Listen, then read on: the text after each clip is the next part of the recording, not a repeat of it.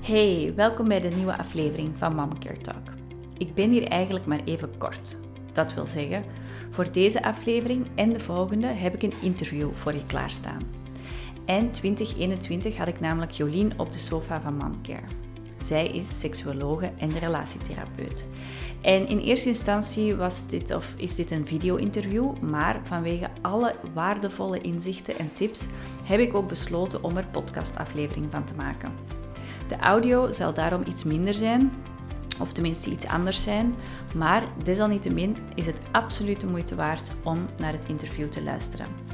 We bespreken thema's zoals seks, verlangen en passie, zowel tijdens als na je zwangerschap, maar ook hoe dat je best met je partner kan praten over seks en hoe dat het eigenlijk al te maken heeft met jouw eigen seksuele opvoeding die je destijds hebt gehad. Maar we praten ook over de veranderende dynamiek tussen jou en je partner. En ook hoe of waar de opportuniteiten liggen om je eigen kinderen al te betrekken eh, met seksuele opvoeding en hoe dat, dat eigenlijk al mag starten vanaf geboorte. Kortom, een hoop interessante tips, mooie inzichten en ik wens je vooral veel luisterplezier.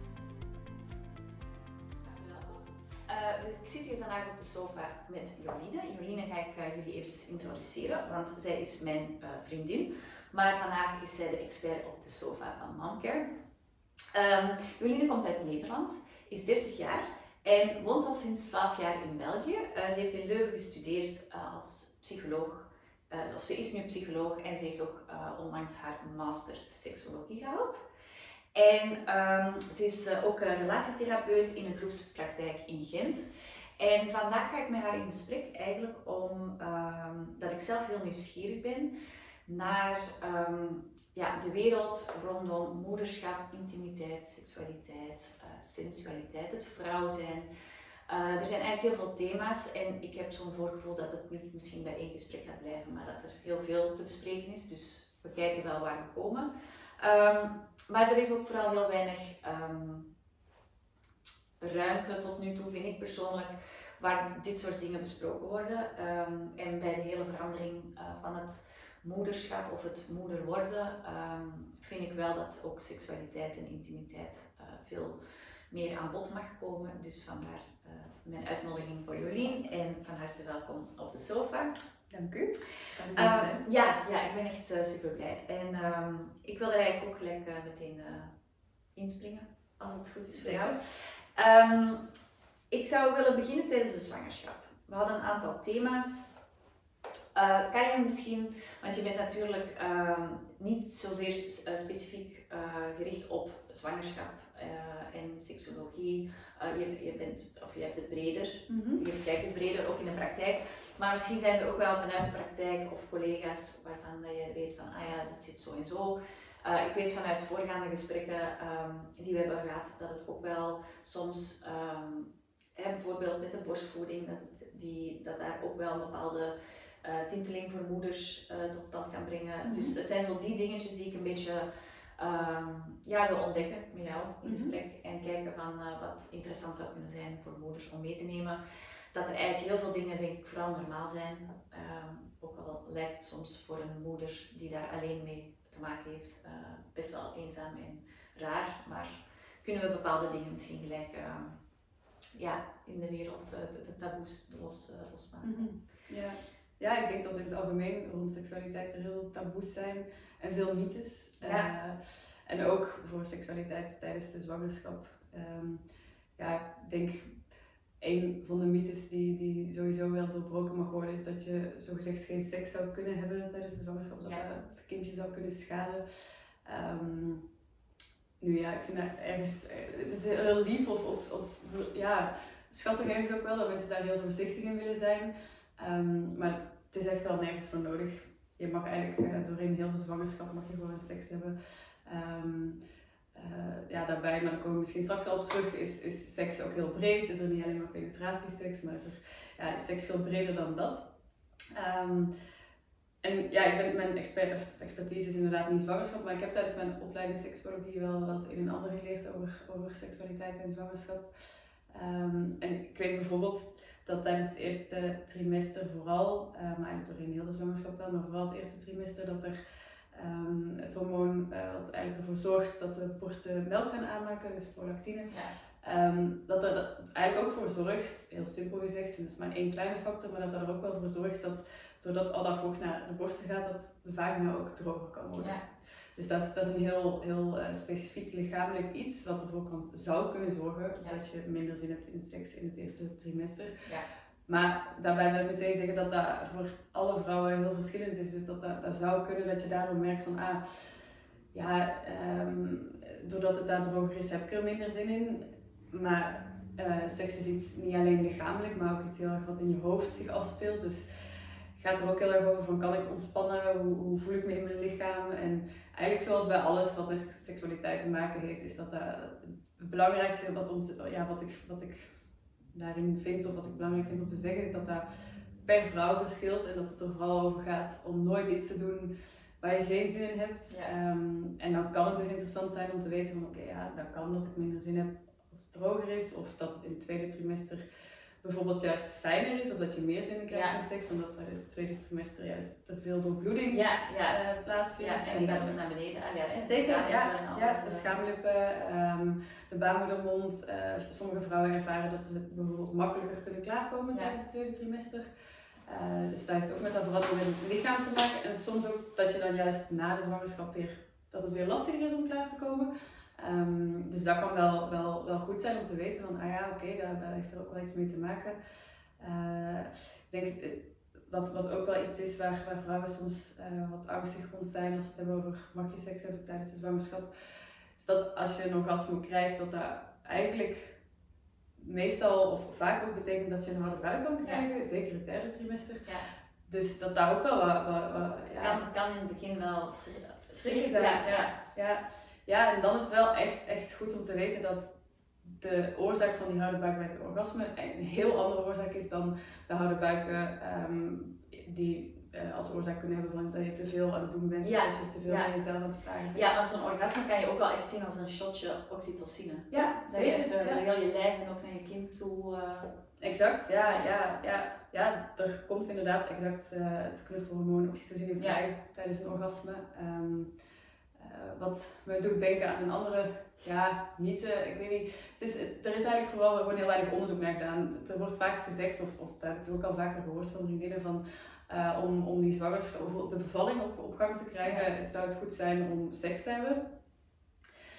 Nu ja, uh, de, de, bij een orgasme komt inderdaad oxytocine vrij en daar zou er wel voor kunnen zorgen dat daar als je echt al bijna klaar bent om te gaan bevallen, dat dat iets voor de laatste druppel zou kunnen zijn. Net een goede timing zijn. Uh. Maar echt, enkel dat gaat er niet voor zorgen dat je, dat je sneller gaat, gaat bevallen. Um, er zou ook iets in de in sperma zitten, prostaglandine denk ik. Um, wat er ook voor zou zorgen dat, dat die baarmoederhals wat, wat, uh, al wat zachter zou worden, denk ik. Uh, waardoor je ook uh, die bevalling in, in gang zou kunnen zetten. Maar ook dat is, dat is echt wel een mythe. Die oxytocine kan nog iets doen, maar ja, voor de prostaglandine dan zou je echt pakken sperma om moeten gaan. Um, dan zou je ja, heel erg best moeten doen om, om iets van uit te krijgen. Maar er, zijn wel bijvoorbeeld crèmes dan waar ja. zit. Ah, ja, wel, En daar komt een beetje die mythe vandaan. Ah, ja, dus is, er zit wel een kern van waarheid in. Maar um, ja, het kan geen kwaad en het zou iets kunnen doen. Maar eigenlijk dan nog eerder uh, ook niet per se penetratieseks, maar ervoor zorgen dat je vrouw klaarkomt. Ja. Dus, uh, ja, want ik denk ook, laten we eerlijk zijn, als je hoogzwanger bent, uh, dan is het ook niet altijd even makkelijk nog om ja, seks te hebben. Laat staan dat je daar uh, zin in hebt. Of je partner, want dat is natuurlijk, ik kijk het vanuit het perspectief van de zwangere vrouw. Maar um, partners vinden het soms ook moeilijk om seks te hebben. Ja. Omdat een vrouw opeens ja, een moeder aan het worden is omdat het kind in de buik zit. Ja, ja. Heb je daar ook vanuit de praktijk um, dat je weet dat mannen daar. Uh, ja, dat is wel, dat is wel iets wat je, wat je soms hoort. Hè. Ja, dat, is, dat, is, dat is niet gek. Het is een, veranderend lichaam inderdaad, zowel voor de vrouw als voor de partner. En dat is iets wat heel erg tussen twee mensen gebeurt. Uh, het kan zo zijn dat uh, er zijn sommige vrouwen die zich juist veel meer sexy voelen als ze zwanger zijn. Um, dat heeft er ook wel een beetje mee te maken van ben, ben je uh, gewenst zwanger geworden of niet. Um, Komt dat heel erg als verrassing? Hoe, hoe voelt dat om, om, om zwanger te zijn? en ook inderdaad wat, wat, hoe je partner daar ziet. En daarin is het daarover spreken denk ik ook weer heel belangrijk. In het algemeen is praten over seks, seksualiteit, je sexy voelen, verlangen, denk ik echt wel key. Um, en ja, als je, als je aan je partner zou vragen van ja, vind je mij eigenlijk nog wel aantrekkelijk, uh, wat vind je nog wel mooi of niet, dan, dan weet je daar ook wel meer en, en, daar eerlijk over zijn. En ook dat weer normaliseren, want dat is ook oké dat dat dan dat dat een, een, tijdens de zwangerschap of daarna minder, minder is of even niet zo is zelfs. Uh, op een andere manier. Ja, ja van je dat zei, ja, het kan niet altijd per se de penetratie zijn, maar... Maar ook als het even helemaal niet zo is, en even, dat kan ook een, dat kan ook een, een, een half jaar zijn, of daar is zelfs geen tijd op te plakken. Ik denk dat het gevaarlijkste is als mensen zouden denken, ja, uh, wat ook een mythe is, we moeten zoveel keer per week seks hebben. Ja, daar heeft ooit een keer in, in een tijdschrift gestaan dat het gemiddelde twee, drie keer per week is, maar dat is, dat is gewoon niet waar. En, um, het gemiddelde ligt sowieso veel lager. Er is nog ja, het laatste onderzoek wat daar een beetje aan gedaan is, van 2013, het onderzoek, waaruit blijkt dat dat het gemiddelde in het algemeen 1,2 keer per week is, maar dat heeft ook, dat, dan hebben ze is dat niet voor meegerekend. Ja, dat is voor Vlaanderen. Ja. Maar daar, daar heeft dan daar helemaal geen rekening gehouden, ook met, met uh, zwangerschap bijvoorbeeld. Um, dus in die zin, het enige wat daar normaal in is, is gewoon wat er normaal is tussen jou en je partner. Als je de hele tijd daar ja, geen zin hebt en dat niet voelt, ja, betekent dat echt niet dat uh, dat, dat, dat, dat uh, een, een, een slechtere relatie betekent of whatever. Nee. Vooral daarover praten ja. en, en, en niks, niks tegen je zin doen. En, um, ja, en daar samen over nadenken van uh, ja, hoe is dat dat we dat een tijd niet doen? Op welke manier kunnen we wel ook die verbinding voelen? Is dat via inderdaad ander soort seks of, of geen penetratieseks, maar op een andere manier ja. seks beleven? Of ja, je kan ook weer die verbinding juist meer gaan zoeken in dates of in, in, op andere Ja, dan hoef je helemaal seks te zijn, oké. Want ik, ik denk ook wel dat het soms moeilijk is om dat gesprek aan te gaan. Als je zelf behoorlijk... Ja, je bent denk ik van het moment van die zwangerschap ook best wel bezig met je kindje en de komst van je kind. En, en um, ja, de, ik zal maar zeggen, de relatie met je partner wordt misschien niet meteen als de belangrijkste... Um, als het belangrijkste of zo op dat moment mm gezien. Mhm. Dus ik denk ook wel, en zeker misschien in een periode van, van zwanger zijn, dat je dus ook wel je lichaam ziet veranderen, dat je dan ook wel kwetsbaarder bent of dat uh, eerlijke feedback van je partner, bijvoorbeeld van ja, ik, zou er nu liever niet uh, ja, seks mee hebben, kan ook wel mm zwaar binnenkomen. Ja, ja. Dat, uh... Ja, dat kan ik me zeker inbeelden. Ik denk in het algemeen het praten over seks dat dat iets heel kwetsbaar is. En uh, dat dat nog steeds ja, heel, heel lastig is voor veel mensen. Um, dat is eigenlijk ja, van, dat, dat, dat ook een beetje als je naar de geschiedenis kijkt, zeg maar, er wordt al zo lang gezegd van ja, dat is iets waar we niet over praten. Ja. Maar ook nu leeft dat idee nog wel een beetje. Um, dus ik denk dat het ook al zou helpen als, als, als we daar voor die zwangerschap ook al wat vaker over praten.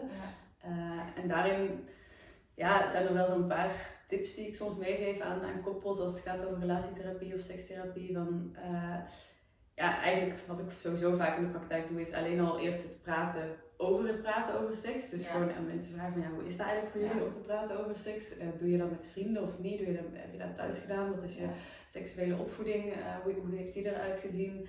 Um, omdat dat ook voor heel veel mensen heel verschillend is.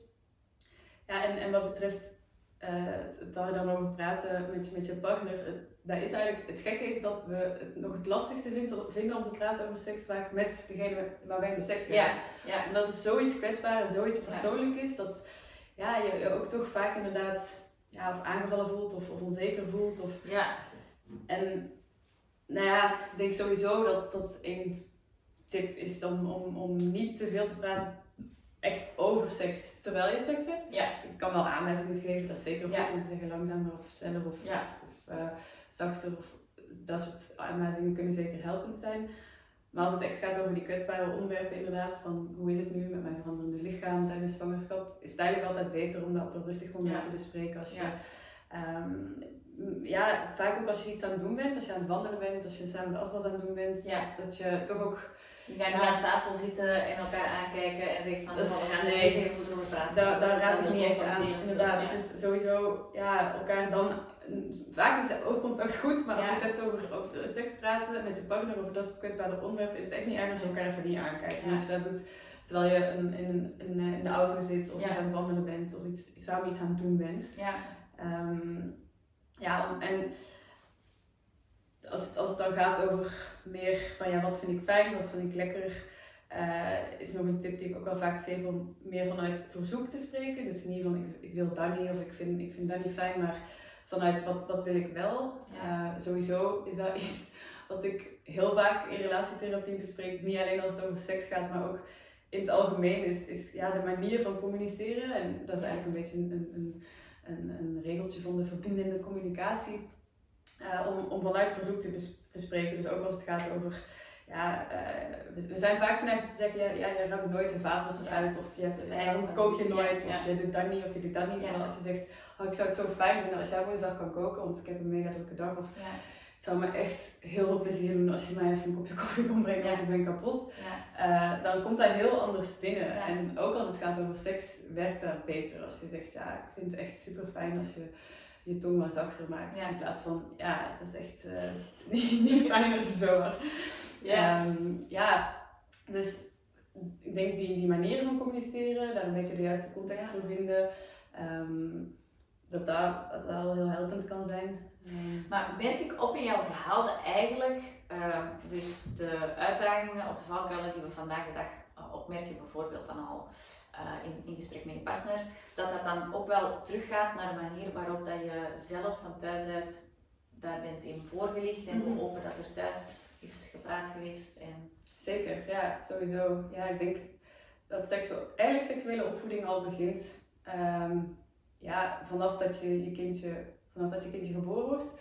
Uh, dat is ook iets waar we wel in, op school in Leuven ook wel bij stil hebben gestaan. Dat ja, echt het, het onderwerp kinderen en seks. En, en dat, alleen dat is al een heel groot taboe onderwerp, omdat als je die twee woorden naast elkaar zet, we als eerste denken aan kindermisbruik en ja pedofilie en allerlei verschrikkelijke uh, zaken. Terwijl een kind ook een seksueel wezen is. Ja. Vanaf dat het... Ontdekking. Ja, maar eigenlijk al in de baarmoeder. Dus we, we weten eigenlijk dat, dat jongetjes in de baarmoeder al een stijve piemel kunnen krijgen. Dat die ook zelfs al met hun handje naar een piemel kunnen gaan. En uh, dus eigenlijk al van heel jongs af aan ervaren kinderen uh, het aanraken van hun geslachtsdelen als iets fijn. Ja. En dat heeft dan nog niks met seks te maken. Nee. Maar wel met dat is eigenlijk een beetje te vergelijken met, met dat het fijn is ook voor een kindje om op een duim te zuigen. En, en ik denk dat veel ouders dat ook wel herkennen dat ja, die eerste paar jaar hebben kindjes een pamper of een luier aan. Uh, maar als die uitgaat, dan is het eerste wat ze doen is naar Zeker. hun geslachtsdeel grijpen. En dat is super normaal, omdat dat gewoon fijn en lekker is. That's it. En wat je als ouder daarin kan doen, is ook daar weer ja, dat heel erg normaliseren, daarover praten. Uh, eigenlijk van jongs af aan al. Um, en uh, ja, we weten dat, dat meisjes vanaf een jaar of twee bijvoorbeeld ook uh, soms op een kussen gaan rijden of ja, dat soort gedrag vertonen, omdat dat ook gewoon prettig voelt. En ja, als je dan tegen een kindje eigenlijk altijd gaat zeggen van dat is vies en stop en die handen ja. wegslaat, dan leren kinderen van heel jong af aan van seks is iets vies en dat mag niet. En, ja. um, of stiekem. Hè, of, dat ja. van, ja, en op zich, nou, stiekem, ik denk wat ook belangrijk is wel, en dat is dan eerder vanaf een jaar of vier of zo, wanneer kinderen ook sociale regels leren, ja. is het wel belangrijk om te zeggen van weet je, uh, net als neuspeuteren, dat, dat voelt misschien fijn. Ja. En, en met, je, met je hand bij je geslachtsdelen, dat, dat, is een prettig gevoel, maar dat doe je niet als we hier met z'n allen op de zetel zitten en opa en oma zijn op bezoek. Dan, dan uh, doen we dat toch gewoon ja, in, in je slaapkamer. En uh, ook wel belangrijk om dan proberen kindjes mee te geven om, om wel ook hun handjes bijvoorbeeld te wassen daarvoor. Want ja. dat zie je soms ook wel, zeker bij meisjes, dat uh, als ze met hun handjes aan hun geslachtsdelen zitten en ze hebben daarna, daarvoor allemaal ja, viezigheid aan hun, aan hun vingers, dat er kleine, ja, kleine infecties ja. kunnen ontstaan. Dus zo die hygiëne is daar ook wel heel belangrijk in. Um, ja, en, en verder qua praten over de seks, ook het proberen daar de woorden voor te gebruiken die wij daar ook voor gebruiken. Kijk, het is best prima als je, als je ook binnen je gezin daar misschien een ander woord hebt voor vagina, poes of flamoes of whatever. Maar het is ook belangrijk dat ze het echte woord daarvoor kennen. Van als, als ze naar de dokter gaan of als er echt iets is of als er iets, ja, iets is gebeurd wat niet kan, dat ze ook wel het woord daarvoor kunnen gebruiken. Dat, um, ja, wat eigenlijk het woord is. Hè? Ja. Dus, uh, ja, plus als je zelf ook niet uh, veel ja, hoe, hoe, sneller je het natuurlijk meegeeft, hoe minder uh, beladen dat het woord ja. te zijn. Exact. En um, ja, ik denk dat dat ook gewoon een groot cadeau is dat je voor jezelf kan doen. Want als het vanaf het begin gewoon op de juiste manier is meegegeven, ja, dan hoeft het niet binnen een paar jaar in je gezicht en, en, dat je denkt van, ah ja, ik had misschien toch beter op een andere manier Zeker, ja. gecommuniceerd of wat dan ook. Ja, want daar heb ik wel vaker ouders bij mij in de praktijk die zeggen van ja, mijn kind zit nu in de puberteit en die, die, uh, ik, ik kan daar geen seksuele voorlichting geven, want die wil echt niet praten over seks. Maar ja, dan denk ik, eigenlijk ben je dan al wat te laat begonnen. Ja.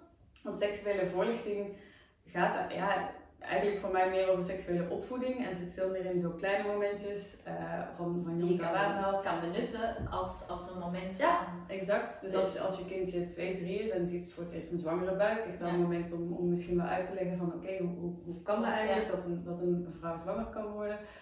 Um, als je twee, uh, een, een homokoppel op straat ziet, uh, dat je daar iets uit, over uitlegt aan je kind. Ja, en, en zo zijn er heel veel mini-momentjes die eigenlijk allemaal over die seksuele opvoeding gaan. En als kinderen al gewend zijn dat ze daar vragen over mogen stellen, dat ze daar antwoord op krijgen, dan, dan is dat eigenlijk iets wat heel je leven doorgaat. En, en wat het ook makkelijker maakt om daarna dus inderdaad met een partner daar ook over te spreken op een open manier. Ja, ja interessant.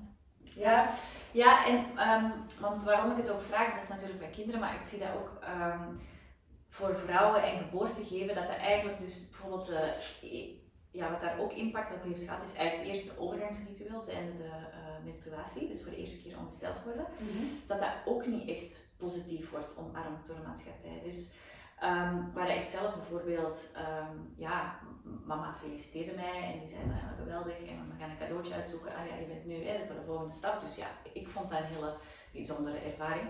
Maar ik weet van heel veel anderen dat dat eigenlijk zo meer is van, oké, ja, hier is je maandverband en um, pas nu maar op. Of, of hè, ja. Ga, ja, terwijl eigenlijk is het een heel mooie, um, mooie stap in het, in het vervolg van je leven. Ja. Um, en uh, ja, vind ik, en is het ook heel belangrijk dus dat die verandering vanuit je lichaam uh, ja, positief benaderd mag worden en bekrachtigd, omdat het ook wel uh, ja, voor je zelfwaardering en hoe dat jij je grenzen en hoe dat jij ja, voor jezelf en je lijf zorgt, dat dat ook weer impact heeft op de manier waarop je geboorte geeft en hoe dat je mhm. ja, je grenzen aangeeft en, en jouw mhm. lijf durft aanvoelen en dat je weet hoe dat alles. Ja, zo mooi.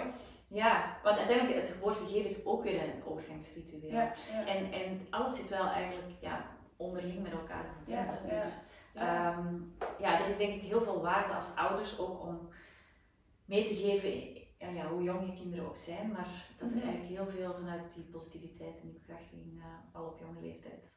Zeker, ja. ja want dan, dan, dan leer je het inderdaad op die manier. En, en ik vind het mooi dat je moeder dat zo heeft gedaan. Ik denk inderdaad ook met seksuele voorlichting dat dat ook zo is. Dat als je op school alleen maar leert en helaas is dat nog steeds het is zo. Het is ja, Ik snap echt niet dat dat in 2020 of 2021 nog steeds zo is. Um, ja, is, er is toch nog heel veel aandacht voor ja, kijk uit, word niet zwanger en, en uh, krijg geen SOA, maar nog veel minder ruimte voor genot en, en plezier en, en consent. Ja. En het gebeurt wel iets meer, hè. Ik, ik, denk dat er langzaamaan hopelijk toch iets meer aandacht voor is, maar het is nog steeds wel, en ja... Beperkend. Ja, ja en, en, en, en, en een beetje een, uh, zo, zo al grappend, hè, haha, seksuele... Ja, nog, ja. Terwijl dat misschien veel meer ja, open gesprekken en, en dynamischer en... Ja. Ja, en het gaat veel over biologie en, en, en, en het medische en zo, maar veel minder over ja, genot en plezier. ja, en relationeel. En, en ik denk dan zeker ook met de opportuniteiten daarin rondom het geboorteproces, het moederschap of het moeder worden, um, de geboorte van een moeder. Want ook daar, als we als, ja, ik weet niet hoe dat, dat bij jou was, maar bij ons was dat een, een horror bevallingsfilm, mm -hmm. uh, waar dat een vrouw ja, voor de camera schreeuwde, pijn, bloed, ah ja, eigenlijk alles wat dat de huidige uh, maatschappij ook al meegeeft qua mainstream beeld over een geboorte of geboortegeven. Maar ja, dat, dat zet wel de toon van jouw uh, idee rondom mhm. het hele geboorteproces en dat bevallen. Oké, het doet pijn, maar er is zoveel het is veel meer dan ja, veel meer alleen maar een bangmakerij is. Ja. En, want ja, dat, dat is inderdaad een, een, een parallel met seksuele voorlichting. Het is ook belangrijk om stil te staan bij SOA's en, en uh, ja, ongewenste zwangerschap. Maar dat, is niet, dat is niet het hele verhaal, nee. van. Nee, ja, want seks heeft een heel ander doel. Ah, tenminste, heeft het veel, dat, dat doet veel meer. En het is, Ehm, nou ja, en dat is dan ook weer het thema van vandaag natuurlijk voor die vrouw. Want ik denk dat het ook heel waardevol is voor een vrouw om, ehm, nou ja, toch zeker voordat ze mama is, hè, dat ze haarzelf ook leert kennen. Mhm. Ehm, hoe, heb je daar een beetje ervaring vanuit de praktijk, hoe dat een, een, een jong volwassen vrouw, ehm, of ze daarvoor openstaan om zichzelf te ontdekken? Is ook nog wel een beetje een taboe, denk Ja. ik. Eh, ja, ehm, wat ik eigenlijk altijd als eerste vraag is van, heb je jezelf wel eens bekeken met een spiegeltje? Eh, heb je wel eens gekeken naar hoe je vulva eruit ziet, hoe dat van beneden eruit ziet? En het valt me op dat dat nog steeds eh, heel weinig gebeurt. Ehm, ja, en dat alleen dat al heel helpend kan zijn, hè, om, om heel je lichaam daarin te kennen en, en, eh, ja, en te blijven leren kennen. Ehm, ik denk ja, dat je als je net je lichaam leert kennen, dat je misschien wel een bepaalde vorm van eh, masturberen, wat ik eigenlijk liever solo-seks noem. Of Mooi, masturberen een beetje- seks. Ja, ja, dat klinkt zo, eh, voor mij toch een beetje dat een connotatie van snel klaarkomen en hop hop. Terwijl Ja. solo-seks veel meer gaat over echt de tijd nemen om ja, om te Voelen, wat vind ik fijn, ja. wat, wat, wat, eh, ja. En dat het dus ook niet zo puur gericht moet zijn op klaarkomen, maar meer, ja, welke sensaties zijn daar prettig in en, ehm, ja, en daar echt een moment van te maken. En ja, daarin kan je dus blijven groeien. Het kan dat je het als, als puber voelt van, nou ja, die, die manier van uh, solo-seks beleven is prettig. Maar dat je ja, op latere leeftijd eigenlijk ontdekt van, ah, dat kan ook wel heel fijn zijn, of dat kan heel fijn zijn. Ja, ja ik, ik geef ook wel vaak zo verschillende manieren van uh, verlangen opwekken mee. Um, daar zijn ook allerlei, allerlei dingen in te ontdekken. Je, ja. uh, sowieso, dat is nog, nog iets anders ook wel. Uh, maar ook wel belangrijk. En sowieso is, is verlangen niet iets wat zomaar uit de lucht komt vallen. Sowieso, het woord libido is ook niet helemaal. Ja, of de, me de meeste mensen in ieder geval wat die connotatie bij libido hebben, klopt ook niet helemaal. Het is niet zo dat, zo dat we gewoon, oké, okay, jij hebt meer libido, ik heb minder libido. Is het ook geen spectrum of zo? Dat ja, het is niet echt een spectrum, het is meer. Um, het is een stimulus-respons. Dus het is niet zoals eten en drinken, wat er vroeger ook wel eens werd gezegd. Van ja, als je een tijd niet, geen seks hebt gehad, dan krijg je wel weer honger. Dat is ook niet zo. Het is, je hebt een stimulus nodig om verlangen op te wekken. Uh, dus daar kan je zelf iets in doen. Dus Ja. je kan uh, porno opzoeken, je kan porna, vrouwvriendelijke porno uh, opzoeken, waar ik ook verschillende tips voor heb voor websites. Um, audioporno is ook iets waar ik de laatste tijd uh, zelf ook meer naar heb geluisterd, wat wel heel tof kan zijn, heel kunstzinnig ook. Ja. Het is een klein project ook in Gent, uh, vruchtvlees.be heet dat denk ik, waar ook verschillende audioporno verhalen op staan, wat ook wel heel, heel grappig kan zijn of ook wel heel opwindend kan zijn. Uh, fantasieën, Ja. um, bepaalde muziek, bepaalde films, dus eigenlijk allerlei dingen, maar ook geur, bepaalde kaarsen, Ja. wierook van alles. Ja. Um, om, om eigenlijk dat verlangen op te wekken. En ja, daarmee zeg ik dus ook meteen, maar je kan daar ook wel iets in doen. Het is niet zo dat je, ja, dat je, dat je daar moet gaan, ja, dat je daarop zit te wachten. Want dat, dat ligt dan ook wel een beetje misschien aan het, aan het moeder worden. Um, of aan seksualiteit beleven na de bevalling. Dat gaat niet vanzelf terugkomen of zo. En, en als je daar dus iets, als je voelt van ik zou daar wel weer meer willen, die manier van verbinding zoeken met mijn partner, ja, dan is het ook met je partner weer zoeken van hoe kan ik terug die, uh, ja, welke, welke stimuli kunnen we Ja. daarvoor zoeken samen? Wat, wat vind ik daar, ja, wat, wat willen we daarin proberen? Uh, want daar, ja, Ik vind het mooi dat je dat zegt, want uh, waarom dat ik dat dus eigenlijk vroeg om te starten hè, als jong volwassen vrouw. Eh, ik denk dat het zelf ook heel belangrijk is om je lichaam te leren kennen, los van een, in relatie met iemand anders. Ik denk dat het heel waardevol en belangrijk is dat je zelf ook weet hoe je lichaam eruit ziet. Mm -hmm. um, want wat ik persoonlijk ook vond, is dat het uh, eenmaal dat je dan, en dat had ik vooral bij mijn eerste zwangerschap, dan, dan, was je bevallen en ik vond dat eigenlijk best wel intens hoe dat je, uh, nee, ik was toen 28, maar laat staan dat je toch zeker ja, een twaalftal jaar op ontdekkingstocht bij jezelf, in jezelf, ah ja, dat, dat, helemaal voor jou en dat je eigenlijk zo wist van oké, okay, dit is lekker en dit niet en dit wel. En dan eigenlijk moet je dan na zo'n bevalling of een zwangerschap dan opnieuw beginnen. Mm -hmm. Of toch misschien vijf of zeven stappen terug. Mm -hmm. Maar ja, dan is er natuurlijk veel minder tijd. Uh, je bent herstellende, er is een kindje, de relatie, de dynamiek is al veranderd, er is vermoeidheid, uh, hormoondisbalans, weet ik veel wat. Mhm. Dus er zijn heel veel randomstandigheden die het dan nog moeilijker maken. En dat vond ik best wel intens om dan zo het, um, ja, opnieuw, die ontdekkingstocht opnieuw te gaan doen. Ja. En dan dacht ik, ja, ja, dat is best wel intens. Ja. Ja, ja, daar zitten veel verschillende dingen in. Die En dan, ja, ook, en dan ook beneden, hè, dus dan is dat ook weer daar ja, herstellende en veranderd. En dan eh, ja, pak je een paar maanden en misschien een jaar. En natuurlijk, gaandeweg leer je wel weer een beetje. Maar ik vond dat wel bijzonder om te beseffen van ja, je hebt heel lang de tijd om het allemaal te Mhm. ontdekken. En dan moet je daarna weer helemaal. En dan- ja. Het is in ieder geval heel En anders. Ja. Heel ander, en dan, maar dan in zo'n soort van ja, eh, een snel versnelling hoger, omdat je ook weer, ja, die. Ah ja, en dan komt een tweede zwangerschap en dan is dat weer zo. Mhm. Dus het is, dat vond ik best wel ingrijpend. Mhm. Of daar had ik van tevoren nooit echt zo bij stilgestaan of zo. Mhm.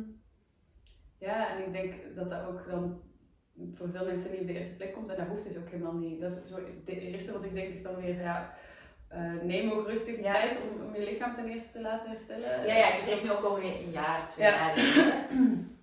Ehm, en ja, daarna, als je dan wel voelt van oké, ik wil daar eigenlijk wel weer opnieuw ontdekken. Ook Ja. al is dat inderdaad best wel een, een Confrontatie. ja, een confrontatie om, om inderdaad je lichaam opnieuw te leren ontdekken, is daar wel ook iets om, om dan tijd voor te maken. Dus Ja. inderdaad ja, eh, ehm, samen met je partner eh, echt wel ja, daar letterlijk in te plannen. Dat is, dat is sowieso iets los van, ook, los van zwangerschap, iets wat ik ook wel vaak meegeef aan koppels. Als ze bij mij komen en zeggen van ja, we zijn zoveel jaar samen en, en, eh, maar, en alles gaat wel goed, maar de seks, ja, dat is er de laatste jaren niet meer. Of ehm, eh, dan, ja, is dat altijd wel een van die eerste dingen die, waar ik samen naar ga kijken. Van, van hoe kan je daar weer tijd voor maken? Want Ja. dat klinkt een beetje saai voor veel mensen. Oké, we gaan seks inplannen. Maar geplande seks is echt geen minder goede seks. En Nee. vaak zelfs betere seks. Omdat je dan echt wel erover na kan denken van wanneer hebben we daar überhaupt tijd voor en kunnen we daar tijd voor maken. Ja. En het is eigenlijk ook een beetje gek als je erover nadenkt van andere dingen die we belangrijk vinden, hobby's, eh, met vrienden afspreken, eh, daar gaan we wel allemaal inplannen. Maar ja, waarom zouden we seks dan niet inplannen? Ja. Als dat ook iets is waar je denkt, daar wil ik wel weer tijd voor maken, ja, zet dat in je agenda. Ja. Ehm, Want anders is het ook weer het eerste dat Ja. opzij wordt geschoven. Ja. Als het niet echt... eh, Ja, ja, en dat is ook heel logisch. Hè? En het is een, een super vermoeiende periode ook. Eh, ja, je zit je bed en je wil gewoon gaan slapen, wat logisch is. Ehm, dus juist dan, net als dat, eh, ik weet dat jij Sander al heel lang eh, die date nights plannen, Ja. kan je ook, ja, dat, is- dat is iets super belangrijk denk ik Ja. om te blijven doen. En ook daarin, ja, ehm, eh, tijd te blijven maken voor seks.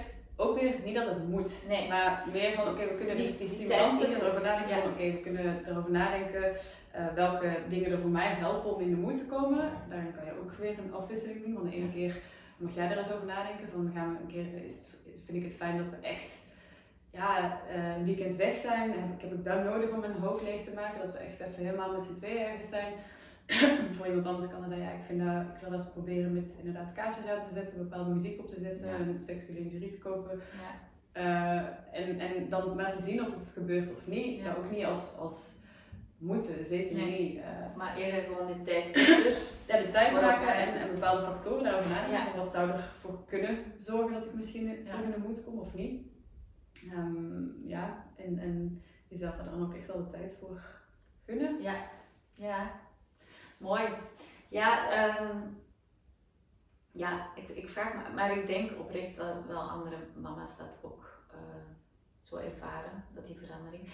En dan denk ik ook wel dat er sommige mama's zijn die ehm, zich misschien schuldig voelen naar de partner toe. Mhm. Dat ze er nog niet zijn met hun hoofd. Ja, ja. Ja, dat is, weer, dat is dan ook een beetje het sociale stuk misschien, dat er dan inderdaad die verwachting achter zit. Van, ja. en dat vind ik dan ook wel weer iets heel ouderwets van mijn, mijn, partner eh, verdient dat dan toch of zoiets, of ik moet Ja. hem dat toch kunnen geven als goede partner. Ja. Ja, ehm, Jij denkt er anders over. ik denk er anders over, ja. Ja, en, en dan gaat het ook weer een beetje over praten in seks in het algemeen. Mhm. Niet alleen met je partner, maar ook met vrienden. Ik denk Ja. dat dat ook heel helpend kan zijn als je dan van vriendinnen hoort of van een collega hoort op je werk. Kan je ook prima over seks praten. Ik ben wel heel erg voor dat eh, open te trekken. Ja. Omdat ik denk dat dat wel heel helpend is als je ja, jezelf herkent in, in uh, verhalen als een andere als een vrouw zegt van ja, ik heb uh, de eerste zes maanden of een eerste jaar echt geen zin gehad in seks. Dan denk ik, ah oké, okay, dan mag ook. Ja. Terwijl, ja, um, het is fijn om het ook van iemand ja, anders uh, Ja, ik denk dat dat daar een heel belangrijk in is. Um, en, en als je dus wel zoiets hebt van, ik wil, ik wil wel op een bepaalde manier die verbinding voelen met mijn man, daar toch ook over nadenken van ja, wat, wat betekent dat dan dat ik dat wil? Wat wil ik dan precies? Wil ik echt penetratieseks of wil ik gewoon dicht bij elkaar zijn en heb ik nooit aan meer, meer knuffelen of kussen? Ja. Uh, ja, wat ik net zei, uh, de seks is veel breder dan, ja. dan penetratie. Dat kan ook gaan over, ja, bijvoorbeeld bepaalde oefeningen die ik ook vaak meegeef zijn zo sensate focus oefeningen. Dus het woord zegt al een beetje, zo het gaat over je aandacht leren richten op sensaties in je lichaam. Um, dus de eerste oefening daarin, ja, er zijn heel veel verschillende oefeningen, maar een van de eerste duo-oefeningen, dus die je echt met je partner kan doen, um, gaat eigenlijk over uh, de heel erg de tijd nemen om elkaar te masseren. Um, dus eerst gaat ene partner op zijn buik liggen en, en er wordt een, een, timer gezet, echt 5 of 10 minuten. Um, puur en alleen te genieten van die aanrakingen uh, van je partner. Ja. Dus wat harder te masseren, wat zachter, met of zonder massageolie. Uh, zonder te veel te zeggen, enkel met non-verbale communicatie wel aan te geven of dat is fijn of dat is niet fijn. Om eigenlijk terug weer ook contact te maken met je lichaam en, en ja, wat vind ik eigenlijk fijn, um, om daarna dan om te draaien en uh, van de voorkant gemasseerd te worden en dan de rollen om te draaien. Ja. Dus en dat is ook al een manier om, dat is geen seks hè, nee. uh, maar dat is wel aanraking, aanraking verbinding, ja. intimiteit, affectie. Uh, het is ook wel weer een beetje blootgeven, hè? want ik denk ook voor vrouwen in de herstelperiode dat ze misschien niet, ook niet altijd even comfortabel zijn om weer volledig naakt en of met licht aan mm -hmm. of weet ik wat. Um, dus dat er ook wel weer stapjes zijn naar het blootgeven van jezelf en, en ja. weer voor jezelf. Want ik denk dat dat ook wel belangrijk is, dat um, herstellende vrouwen, die voelen zich misschien nog niet helemaal terug uh, sensueel, mm -hmm, mm -hmm. op en tot vrouw. Die zullen misschien best wel moeite hebben nog met enkele ja, veranderingen in het lijf dat er nog zijn, of misschien wel blijven. Ja, ja. Uh, denk ook bijvoorbeeld aan streamen of, of andere zaken die op het lichaam achterblijven. Um, dus ja, ik denk dat het soms ook heel moeilijk is of dat er altijd wel een bepaalde remming is, zolang dat je jezelf ook niet meer uh, helemaal kent of die ontdekking niet durft aan te gaan of die confrontatie misschien in het begin, uh, dat, dan, dat het dan ook heel moeilijk is om het, ja, sensuele, de sensueelheid uit te stralen, mm -hmm. omdat je gewoon nog niet helemaal met jezelf terug ja, ja. die liefde voor jezelf ja. ervaart. Ja, ja, en dat is denk ik inderdaad toch ook wel de eerste stap. Hè? Ja. Um, dan denk ik toch aan een andere sensei focus oefening uh, die wel uh, individueel is. Dus dat is eigenlijk een, een oefening waarbij je uh, voor jezelf, echt in je eentje, voor de moeder alleen of voor een vrouw alleen, voor een man, um, de, de, tijd neemt om te, heel uitgebreid te gaan douchen. Ja. en ja, een beetje mindful te gaan douchen eigenlijk. Dus echt met mijn aandacht te gaan, je aandacht te gaan leren richten op hoe sta ik hier eigenlijk, hoe voelt mij in mijn lichaam, ja. hoe voelt het water op mijn huid, hoe voelt het water op mijn hoofd. Uh, en, en een soort zelfmassage te doen is dat eigenlijk. Dus echt te voelen van hoe voelt het als ik langzaam mezelf ga douchen, ja. hoe, hoe, voelt het als ik wat harder mezelf masseer. Omdat dat iets is wat we normaal heel erg op automatische piloot doen. En, en ja. zeker als je ja, naar veranderend lichaam misschien uh, daar niet te veel naar wil kijken, dat je helemaal snel snel doet. Dus juist die eerste stap denk ik om ook daar weer de tijd voor te nemen, daar wel naar te kijken. Uh, en na douchen ook de tijd te nemen om eerst heel bewust uh, te voelen hoe voelt dat als ik mezelf afdroog, harder, zachter. Ja. Uh, daarna body lotion, hoe voelt dat als ik mezelf daarmee insmeer. Ja. Dus ja, ook daarin zo die zelfmassage uh, en daardoor hopelijk ook stapjes ja. in zelfliefde te kunnen zetten. Om daarna dan hopelijk dat ook met je partner te kunnen doen. Maar inderdaad, de eerste stap is wel, denk ik, voor je eigen lichaam daar weer naar te kijken, daar weer liefde hebben. Um, eerst door massage en, en zelfzorg. Ja. Uh, en daarna misschien stapjes in solo seks. Ja. En daarna dan ja, ja, ja. Nee, maar ik denk inderdaad, want het is misschien vaak de gedachte van ja, we moeten gelijk seks hebben. Maar dat er ook nog stapjes hè, tussen Mhm, zitten mhm. en dat dat echt eh, oké is om, eh, om daar je tijd voor te pakken. Ja.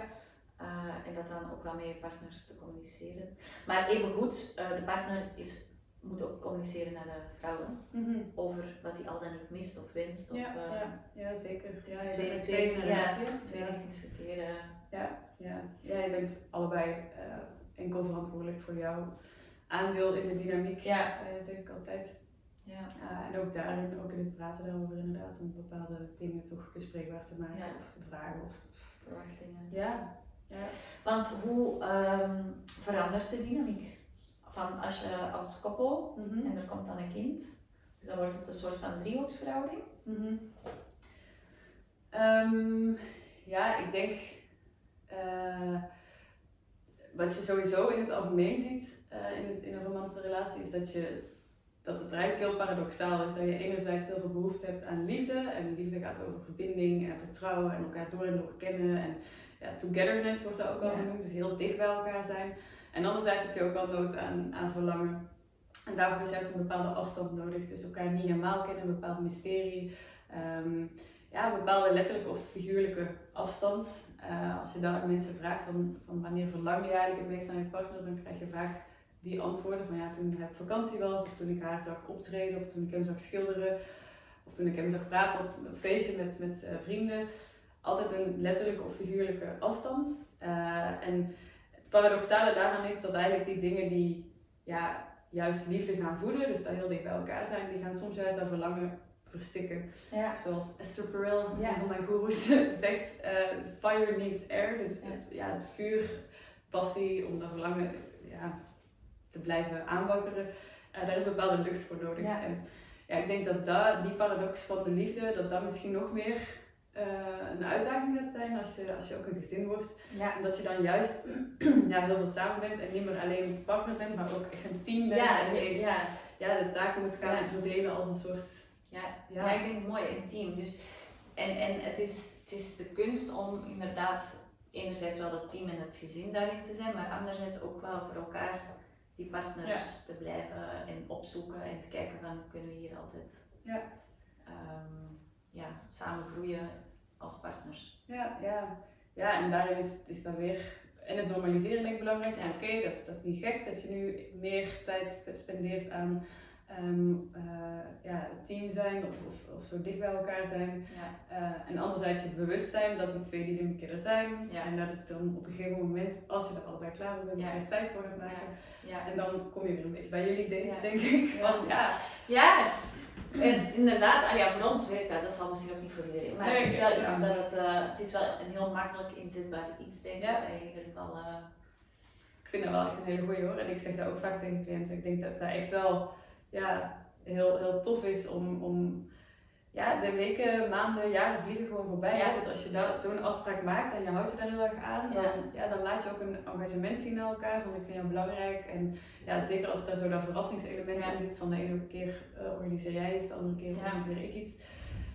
Ja, ik denk dat dat iets heel tof is om, om juist dat romantische eh, partnerstuk in Ja, ja, te houden. Of Ja, nee, absoluut. Ja, dus ik, eh, ik zou het ook iedereen alleen maar kunnen aanraden.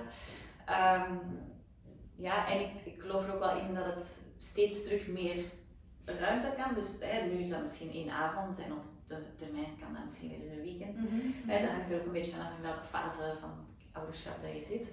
Ehm, maar ja, het is nu wel echt zo de, ja, ik weet niet, noemen ze dat in Nederland tropenjaren? Tropenjaren? Ja, tropenjaren. Volgens mij. Ja, eh, dus echt eh, de, de tijd dat je gewoon eigenlijk meer als team, dan, Oké, ja, gewoon ja. echt keihard. Troopers. Ja, ja, dat, je, dat, het Super trooper. ja, dat het gewoon echt, eh, dat het gewoon echt heel hard werken is. En ehm, ja, dat je even moet doorbijten als koppel, maar dan uiteraard, ja, je moet wel ook af en toe die momenten Ja, zoeken, want ja. voor je het weet ben je al tien jaar verder. En dan, ja, niet te lang je-. Ja, nee, dan, dan, dan kan je ook uit elkaar groeien natuurlijk. Ja, als je daar niet te veel aandacht aan schenkt. Ja, ik weet niet wat dat, die cijfers precies zijn op mijn hoofd, maar ja, ik denk wel dat inderdaad die eerste jaren ehm, de scheidingscijfers of mensen die uit elkaar gaan zo met kleine kindjes wel ook heel hoog zijn. Hè? Dus het is wel een hele uitdagende periode. Dus Ja. ja, en, en daarin is denk ik ook je daar van tevoren bewust van zijn ook wel goed. Ja. Van oké, ja, het is niet allemaal en maneschijn. En het gaat ook onze relatie veranderen. Het is heel tof, denk ik, en heel mooi en heel bijzonder om samen een kindje te krijgen. Ja. En tegelijkertijd gaat dat ook wel, wel uh, ja, betekenen dat we, zijn, uh, ja. ja. dat we niet meer met z'n tweeën zijn en, en dat, er, dat die dynamiek inderdaad verandert. En alleen al daar ja, niet blind voor zijn, zowel van tevoren als tijdens, is denk ik al een goede stap om, daar, om daar gewoon eerlijk over te zijn, daar naar te kijken en dan na te denken, ja, hoe kunnen we daar ja, heb jij zelf ervaring of collega's binnen de praktijk die bijvoorbeeld um, vanuit partners weten van, dat ze het moeilijk vinden dat ze, ja, ik zou maar zeggen, op de laatste plaats of op de tweede of de derde plaats komen? Omdat met de komst van een kindje draait het natuurlijk zeker in het begin heel erg rond het kind. Mm -hmm. Dus dan is mama en kind bijna één. Mm -hmm. Dat ja. partners Dat is wel iets wat ik wel vaker hoor inderdaad. Um, ja, ja, dat gaat daarover, hè, dat Ja. verschil in uh, ja, die verandering in, in Dynamiek. rollen, Ja. dynamieken. Ja. Ehm, ja. En, en dat kan verschillende dingen met zich meebrengen. Hè. Onzekerheid over. eh, ja, ik denk dat dat ook wel iets is wat, veel, wat ik veel hoor ook wel van dat, dat het voor vaders soms lastig is om te zien dat, dat en inderdaad die liefde zo groot is tussen moeder en kind en, en die daar onzeker van wordt van hoe, hoe zit dat nu met je liefde naar mij, maar Ja. ook ja, dat daar misschien voor moeders toch ook wel meer iets natuurlijk is om, Ja. om, om ehm, ja, voor een kindje te zorgen en dat dat voor vaders vaak ook wel wat zoeken is van hoe, wat, wat is mijn rol daarin. Ja. Ehm, en, en ja, ook daar weer probeer te praten ook tussen mannen ehm, Ja. over hoe het is voor jou om vader te zijn. Eh, ik weet dat er daar ook wel een toffe podcast eh, van Pepijn Lane van de jeugdvertegenwoordiger. eh, die heet, hij heeft ook een boek geschreven, Vader, de, de, met de E is een drie, want hij heeft Ja. kindjes. En, en zijn podcast heet ook Vader. Eh, waar hij eigenlijk alleen maar mannen daarover Ah ja, spreekt. cool. Dus dat is, dat is ook wel iets. Alles vanuit zijn eh, perspectief als. eh, Ja, als papa, hoe het Ja. om papa te zijn. En, en, en dan inderdaad ook in het omgaan met die veranderende aandacht Ja, en de dynamieken daarin. Cool. Ja, dus dat zijn allemaal goede, goede dingen. Ik vroeg me af, wat is voor jou het verschil tussen intimiteit en seksualiteit? Is dat een verschil? Ja, anders. Ja, eh, intimiteit is iets breder nog. Seksualiteit is wel een deel van intimiteit. Ehm, ja, intimiteit gaat ook over, dus die, over knuffelen, affectie, massages. eh, en dat is dan niet per se seks, maar eh, seks is wel ook iets wat, wat, eh, ehm, wat sowieso intiem is. Eh, het is wel, ik, ik stel ook wel vaak de vraag aan koppels van wat zijn voor jou eh, de eerste vijf woorden waar je aan denkt bij seks. En dan is intimiteit wel bijna altijd eentje die, Ja. die naar boven komt. Ehm, ja, dat gaat over, ik denk intimiteit en verbinding dan misschien nog meer bijna gelinkt is dan, dan aan seksualiteit. Mhm. Ehm, ja, dus, dus ja, de, de definitie van verbinding. Ehm, In contact zijn? ja, ja, misschien wel. In contact zijn met elkaar, echt diep contact hebben. eh, door ofwel te kussen, ofwel te knuffelen, ofwel. eh, ja, je kan ook heel erg in verbinding staan door iets samen te gaan doen. Dat hoeft Ja. niet, niet altijd lichamelijk te zijn. Nee. Dus je kan ook een heel intiem gesprek hebben. Ja. Spreken kan ook heel intiem Ja, en, en het gevoel hebben van oké, we begrijpen elkaar. Ja. In plaats van eh, soms eh, langs elkaar heen. Ja, ja, ja, dat, echt zo in verbinden. Ja. Ja, dus dan is, is dat is misschien dan het simpelste verschil of zo. Dat, dat seksualiteit wel gaat over lichaam echt. Ja. En, Ja. lichamelijk samen zijn en intimiteit ook. Dat hoeft niet dat te betekenen. Dat Ja. kan ook, eh, ja, je kan ook intiem samen zijn zonder elkaar continu aan te raken. Ja. En sensualiteit, dat is dan meer vanuit het gevoelsleven, vanuit je eigen gevoelsleven? Sensualiteit, of is dat nog iets? Ja, ja, dat gaat inderdaad meer over hoe je, eh, ja, of je je seksueel aantrekkelijk voelt Ja. als, als mens, als wezen. Hm. Ehm, ja. Ja. Ga je me definities vragen? Nee, nee, jouw, jouw, denken, want dan denk ik ook weer meteen, maar ja, maar sensueel kan toch ook, kan ook iets, eh, kan ook niet een, een bepaalde geur of zo ook niet sensueel zijn? Of Ja. Dus, dus Ja, dan Maar ook, alles denk ik Alles vanuit je wat- eigen gevoelsleven. Wat het, ja, vanuit je gevoelsleven dat linkt aan ja. intimiteit, seksualiteit. Ja. Dan kan sensueel, als sensueel worden ervaren. Ja. Zo zou het dan zijn, ja. ja, ja, ik was gewoon Ja, ja, nee, ja. het is een boeiende vraag om over na te denken. Ja, omdat ja, je, gebruikt de woorden, maar ik, waar ik ook aan denk, ah ja, uiteindelijk het hele ehm, proces van zwanger zijn en geboorte geven, het kan, wat je ook zei, heel erg ja, bekrachtigend en je kan je echt ook op en top vrouw voelen Mhm. omdat je dat hebt gedaan. En dat is eigenlijk ook vanuit nature eh, waarvoor het ook bestemd is, dat het juist die bekrachtigende ervaring is, die jij ook als vrouw, dat je zoiets hebt van ja, ik kan de wereld aan. Mhm. En dat straal je dan ook uit en dat geef je dan ook door aan je kind. En, Ja, ja.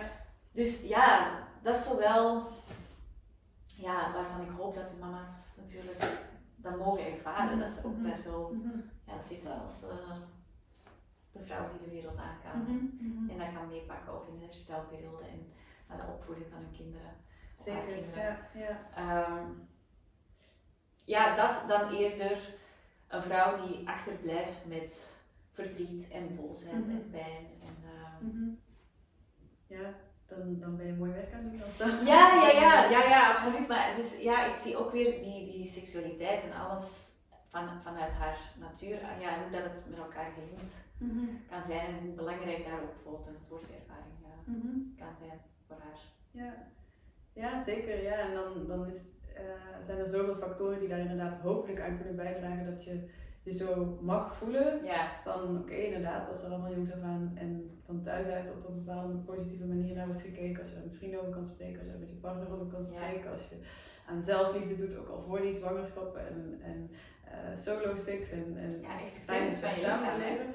Dus allemaal, al die factoren kunnen daarin helpen en hopelijk voel je dan een, een seksgodin terwijl je zwanger bent. Ja. Dan nog steeds kan het ook zijn dat je een zeekoe voelt en ja schrikkelijk Ja. en dat je in je vel zit en, en je echt gewoon ja, niet aan seks wil denken. En dat is ook oké. Ja. Dus het is denk ik daar weer van. Nee, nee, absoluut. Hopelijk. En, zelfs dat, het kan de ene dag kan, kan, kan je heel Ja, mooi en, en dan, eh, of een uur daarna denk je van, eh, jongens, wie hebben we daar in de spiegel? Ah, nee, Ja. eh, dat wel. ja, nee, en dat is denk ik ook het mooie om dat te benoemen, dat het allemaal oké is. En ehm, dat het niet de bedoeling is dat we ons daardoor laten pakken of laten meeslepen in het moment van dat je dat slecht voelt. Mhm.